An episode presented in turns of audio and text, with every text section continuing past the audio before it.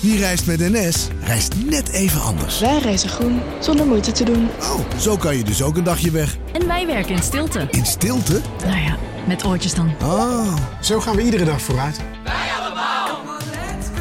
stap je ook in?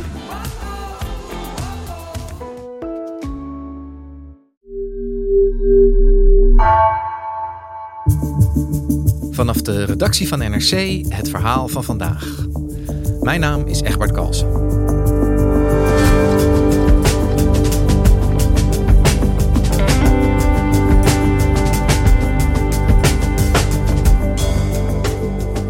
Er zijn maar zo'n 35 wolven in Nederland, maar die zorgen wel voor veel verdeeldheid en onrust.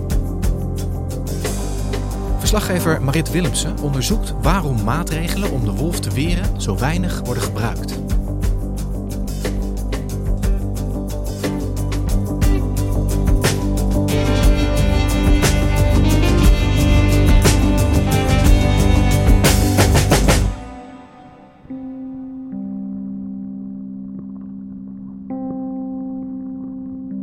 Dit jaar werd breed in het nieuws uitgemeten dat eh, een wolf in Renkum 21 schapen had doodgebeten. En dat begon met een bericht bij Omroep Gelderland. Het is een dramatisch weekend voor de eigenaren van een schaapskudde in Renkum. Een speciale hek dat geplaatst was om de wolf te weren, hielp niet. En twee nachten achter elkaar was het raak. 21 schapen werden gedood. We hadden hier 6000 volt erop, maar was niet genoeg helaas. En zoals je ziet staat er nog een heining achter. Dus het is best een hele sprong die je moet maken. Maar blijkbaar is dat toch geen probleem dan. Nou, al snel volgde ook het landelijke nieuws. In het Gelderse Renkum heeft een wolf 21 schapen doodgebeten. De dieren stonden in een weide met een wolfwerend hek, maar dat heeft niet geholpen. In al die nieuwsberichten vertelde de boze en verdrietige schapenhouder dat de wolf over dat hek was gesprongen. Waarschijnlijk is hij over het hek gesprongen. Dat stond onder stroom, juist om het roofdier tegen te houden. We hadden hier 6000 volt erop, maar was niet genoeg helaas. Juist die berichtgeving dat een wolf over zo'n, zelfs over zo'n wolfwerend hek zou kunnen springen, dat zorgde voor onrust bij schapenhouders en ook bij eh, herders, zoals herder Aart van de Brandhof. Na het incident in Renkum, een paar weken geleden, toen haalden ze erover dat hij er overheen sprong. Toen heb ik een stukje in de krant laten zetten dat we toch onze zorgen maken. Als hij gaat springen, ja, dan is het klaar. Dan kun je inpakken. Ja? Ja, dan is het goed afgelopen. En toen ben ik me gaan afvragen, klopt dat? Doen die wolfwerende hekken het nou echt niet? Ehm, is er misschien iets anders aan de hand? De provincies geven subsidie voor die hekken. Waarom doen ze dat dan? Eh, als die hekken, als die rasters eh, toch niet zouden werken. Dus ik ben me in dat onderwerp gaan storten. En zo kwam ik terecht bij de wolfconsulent, Johan Wesselink. Nou, ik ben vanaf 2015 dat de eerste wolf in Nederland komt, ben ik met die wolven bezig. Ik heb er nog maar twee keer één gezien in Nederland. En daar staat ineens, vliegt social media vol met mensen die allemaal een wolf gezien hebben. Elke herdershond wordt à la minuut een wolf. Ik liep een dag met hem mee en op die eh, dag ging hij eh, naar Aart van de Brandhof, schapenherder, om hem advies te geven eh, over eh, zijn wolfwerend hek. Bedankt. Zo, we zijn er. Super. Ja, het is voor ons ook allemaal nieuw. Onwetend, weet je. We hebben altijd die schapen zo een stukje gaas gezet. Klaar, niks, er aan de hand. En eh, niet. in het verleden zette je ra- afrasteringen om je dieren binnen te houden. Nu moet je de afrasteringen zodanig maken om de wolf buiten te houden. Dat is het verschil.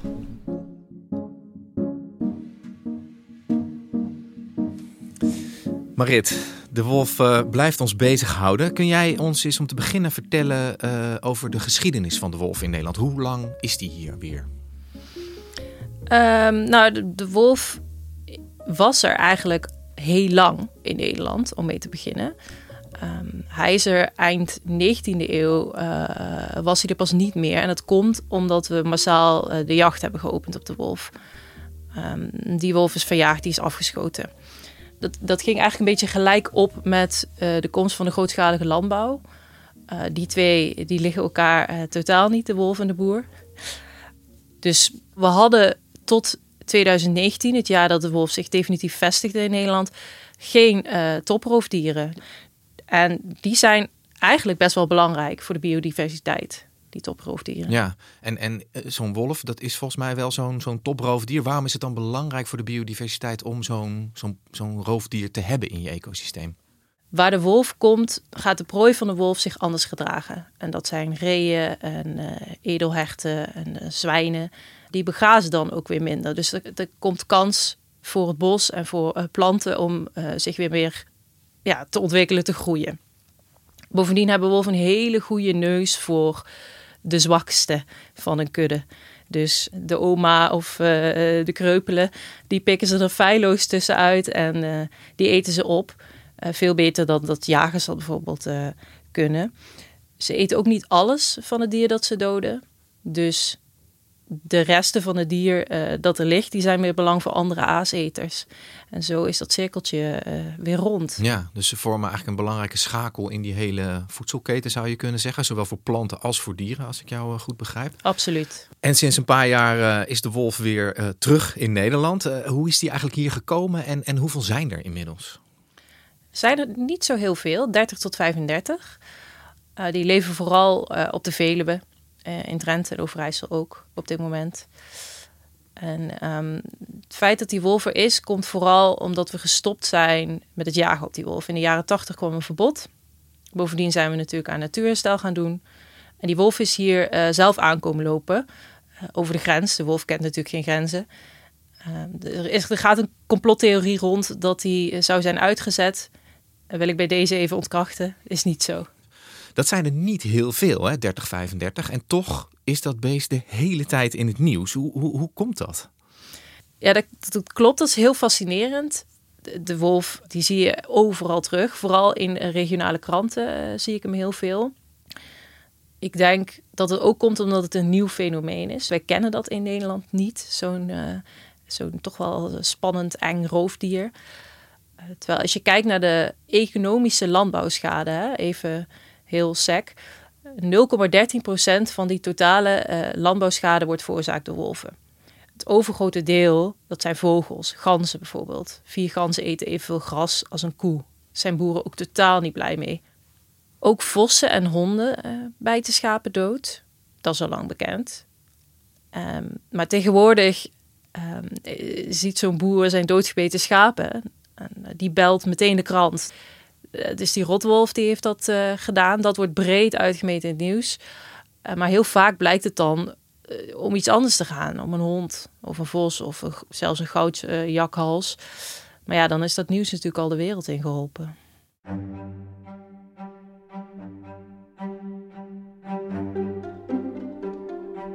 En misschien heeft dat ook wel te maken met dat dit imago van die wolf spannend, maar ook wel eng. Eh, er is daardoor ook heel veel desinformatie. Eh, neem de boer-burgerbeweging bijvoorbeeld. Caroline van der Plas, die heeft het over duizenden wolven. Terwijl ja, het zijn er dus maar dertig. En dus de beschermde status van de wolf die is al 30 jaar oud. En ondertussen zijn er duizenden exemplaren bijgekomen. En moeten boeren het land helemaal volzetten met wolfwerende hekken of rasters? En Van der Plas hamert ook op het gevaar van wolven voor mensen. Wolven in de achtertuinen, wolven die achter mountainbikers aanrennen. Het loopt helemaal uit de hand, eh, voorzitter, ehm, met de wolf. En voordat er ernstige ongelukken gebeuren, het is een kwestie van tijd dat hier ook mensen het slachtoffer worden. En ik wil graag een debat aanvragen met de minister van Landbouw, Natuur en Voedselkwaliteit.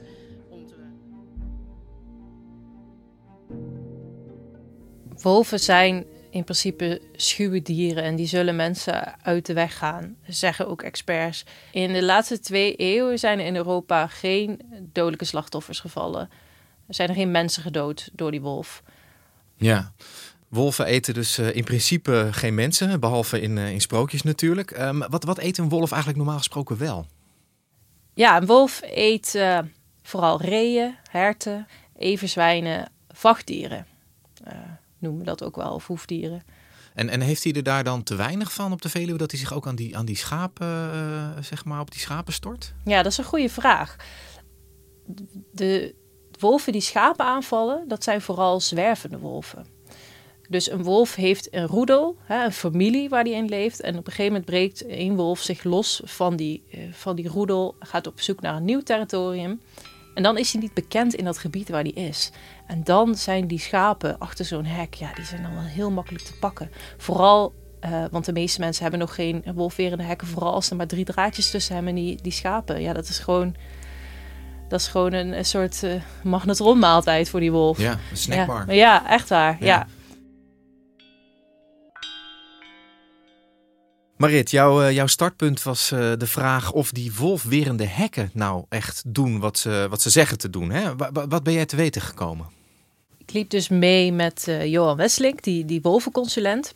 Hij zei me dat die wolfwerende hekken, mits goed geplaatst, in principe 99,9% van de tijd werken. Dus één op de duizend keer glipt er nog wel eens een wolf tussendoor. Maar als je ze goed neerzet, dan werken ze.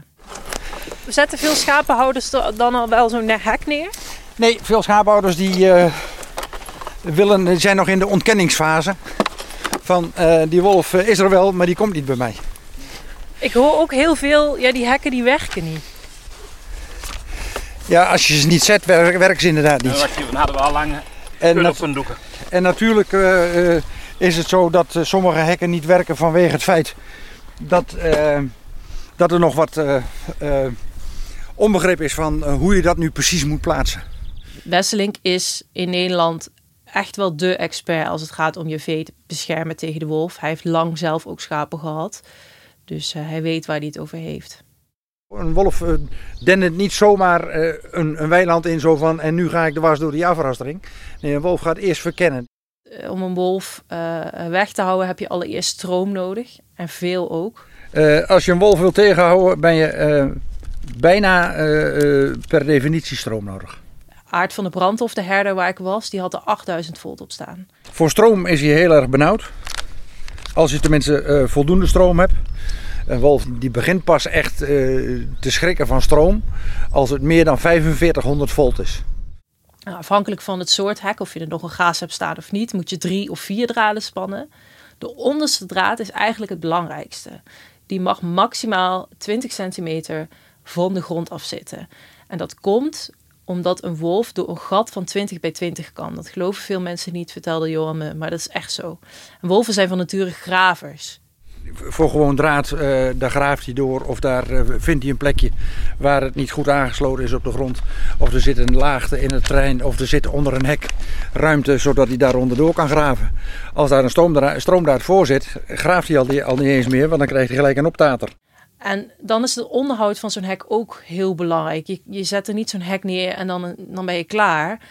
Nee, je moet dat echt wekelijks goed controleren uh, is het gas niet te hoog geworden. Want dan komt dat uh, tegen uh, de stroomdraad aan. En dan neemt de stroom af. Dat ruikt een wolf. Een wolf kan precies ruiken op welke plekken de stroom er minder op zit. is er misschien ergens het gat niet 20, maar 25 centimeter. Dat is echt al genoeg voor een wolf om te beginnen graven.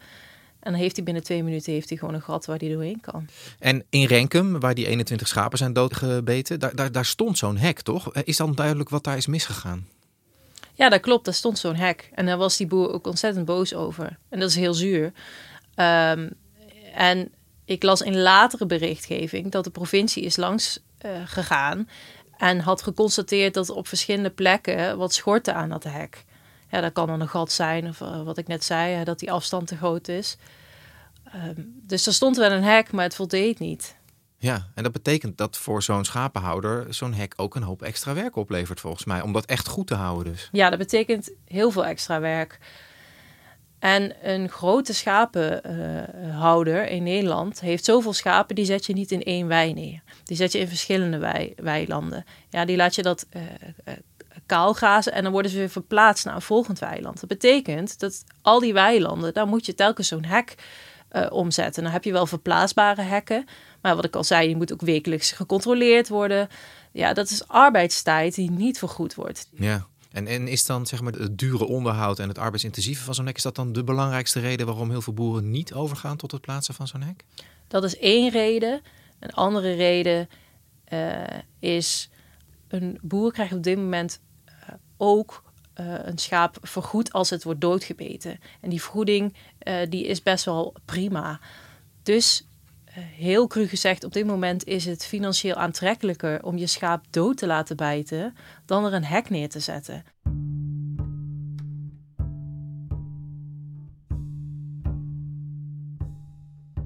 Heeft, ehm, heeft die wolvenconsulent nou een idee hoe dat verder moet met de wolf in Nederland? Hoe gaat dat eruit zien de komende jaren?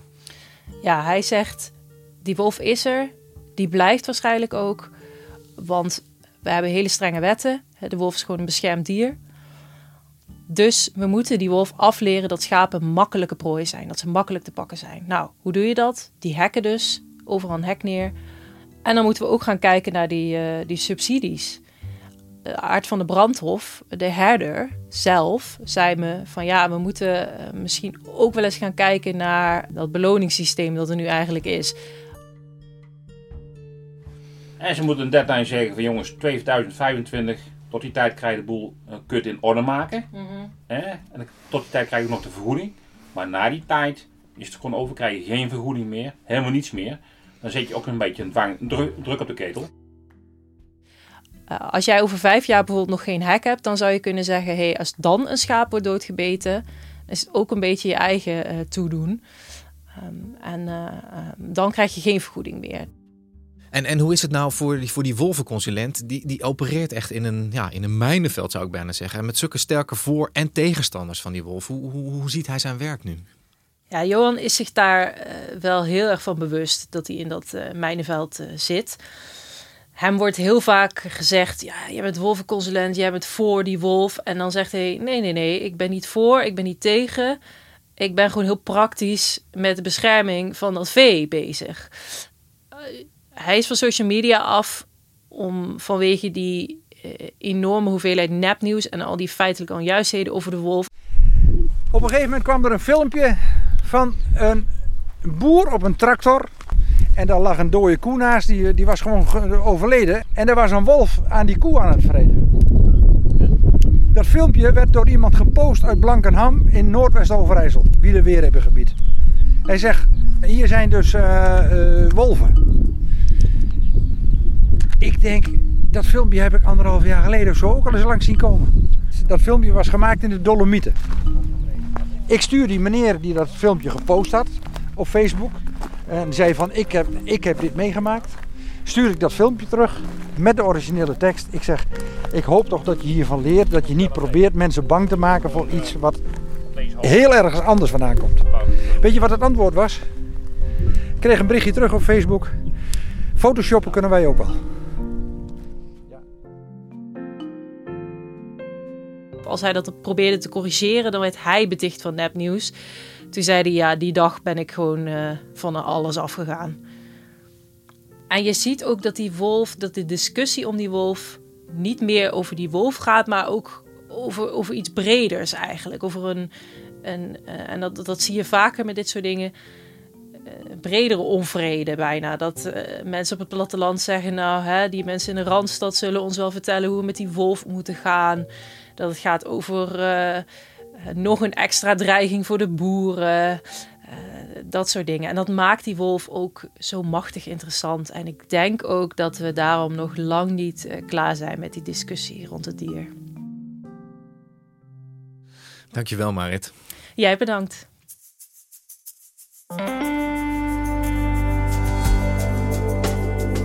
Je luisterde naar vandaag, een podcast van NRC. Eén verhaal, elke dag. Deze aflevering werd gemaakt door Mila Marie Bleeksma, Anna Korterink, Stef Visjager en Jennifer Patterson. Coördinatie Henk Ruigrok van de Werven.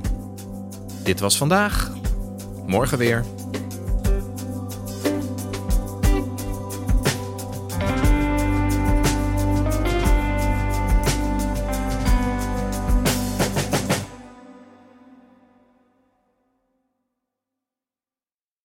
Je hebt aardig wat vermogen opgebouwd. En daar zit je dan, met je ton op de bank. Wel een beetje saai, hè? Wil jij, als belegger, onderdeel zijn van het verleden of van de toekomst? Bridgefund is een slimme fintech die een brug slaat tussen de financiële behoeften van ondernemers en van beleggers. Dus wie belegt bij Bridgefund krijgt niet alleen een mooie vaste rente, maar brengt ook ondernemers in beweging. Echt waar. Met die ton kan je zoveel betere dingen doen. Bridge Fund. Make money smile.